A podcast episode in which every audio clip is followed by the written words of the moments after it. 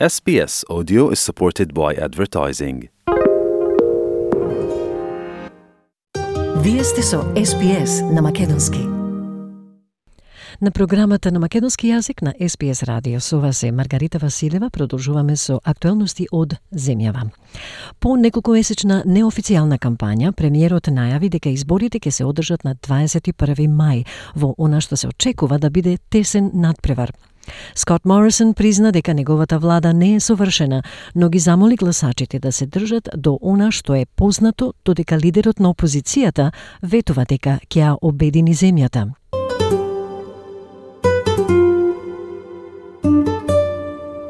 Додека премиерот стета во Камбера за да го распушти парламентот и да распише избори, главниот град го одржа својот годишен маратон. За Скот Морисон и Ентони Албанези, 21 мај ќе биде денот кога ќе стигнат до целта. Пораката на премиерот до гласачите е следнава. Држете се до она што го знаете. Дека тоа е избор помеѓу влада што луѓето ја познават и лабористичка опозиција што луѓето не ја знаат. Морисон истакна дека неговата влада не е совршена и дека никогаш тоа не го тврделе, но и покрај некои недостатоци дополнува тој, народот може да види што постигнале. It's a choice between a government you know and a Labor opposition that you don't. Our government is not perfect. We've never claimed to be. But we are up front. And you may see some flaws, but you can also see what we have achieved. Во својот прв говор пред гласачите по изборниот повик, лидерот на опозицијата вети дека ќе ја обедини земјата. Господинот Албанези рече дека овие избори ќе одредат дали можеме да се здружиме за да изградиме подобра иднина. Според Албанези, можеме да ја искористиме таа можност, но треба да гласаме за неа. И тоа е она за што се работи на овие избори, вели Албанези, градење подобра иднина, при што сме одлична нација која може да биде уште подобра. This election will determine whether we can come together to build a better future. We can seize that opportunity, but you have to vote for it. And that is what this election is about building a better future. We are a great country, but we can be even better Во меѓувреме, премиерот сака да го покаже единството на неговата партија. Морисон изјави дека ќе го води својот обединет тим што во последните три години ја водеше Австралија низ најтешката здравствена и економска криза во последните 70 години. My strong and united team that I have led for these past three years, sitting around that cabinet table just in there, which has seen Australia through the worst economic crisis and health crisis we have seen in 70 years on the economy and 100 years on health. Ова и покрај повеќемесечниот внатрепартиски конфликт. И има уште еден знак прашалник за еден од неговите министри. На Морисон му беше поставено новинарско прашање дали Елен Тадж ќе биде во неговиот кабинет доколку биде вратена владата. На кое премиерот Морисон одговори дека господинот Тадж се уште е во неговиот кабинет. Will Alan Tudge be in your cabinet if your government is returned then? Alan, Alan Tudge is still in my cabinet.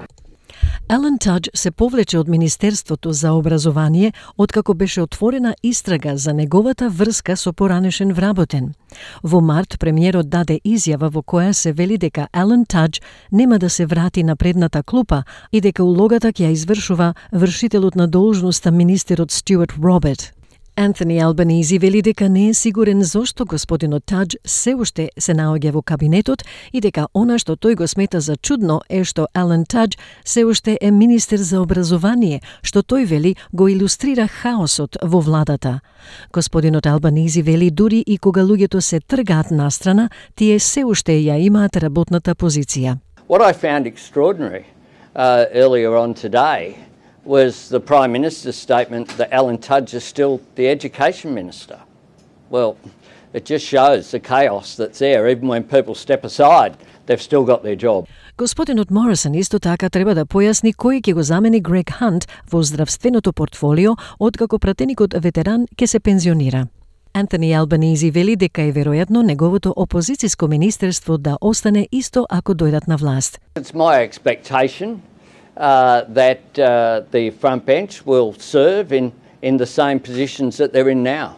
Uh, I'm very satisfied uh, with my front bench. The truth is that my front bench are all recontesting at this election. There's no one uh, disappearing, there's no one withdrawing. И двајцата лидери ќе ги водат медиумите заедно со нив низ целата земја, а постојат и неколку локации на кои најверојатно ќе бидат насочени. Опозицијата има повеќе маргинални места да одбрани, 13 наспроти 5 маргинални места кои ги држи коалицијата. Скот Морисон веќе слета во Наура, во сетиштето на Гилмо, на јужниот брег на Нов Южен Вилс, кој го држат лабористите. Либералите се надеваат дека поранешниот државен министер за транспорт Андрю Констанс ќе може да го заземе местото за партијата. Антони Албанизи се наоѓа во Тасманија, каде опозицијата се надева дека ќе добие две маргинални места во Бас и во Бреден. Места што би можеле да ги одредат резултатите на денот на гласањето. Прилог на Кришани Джани за SPS News.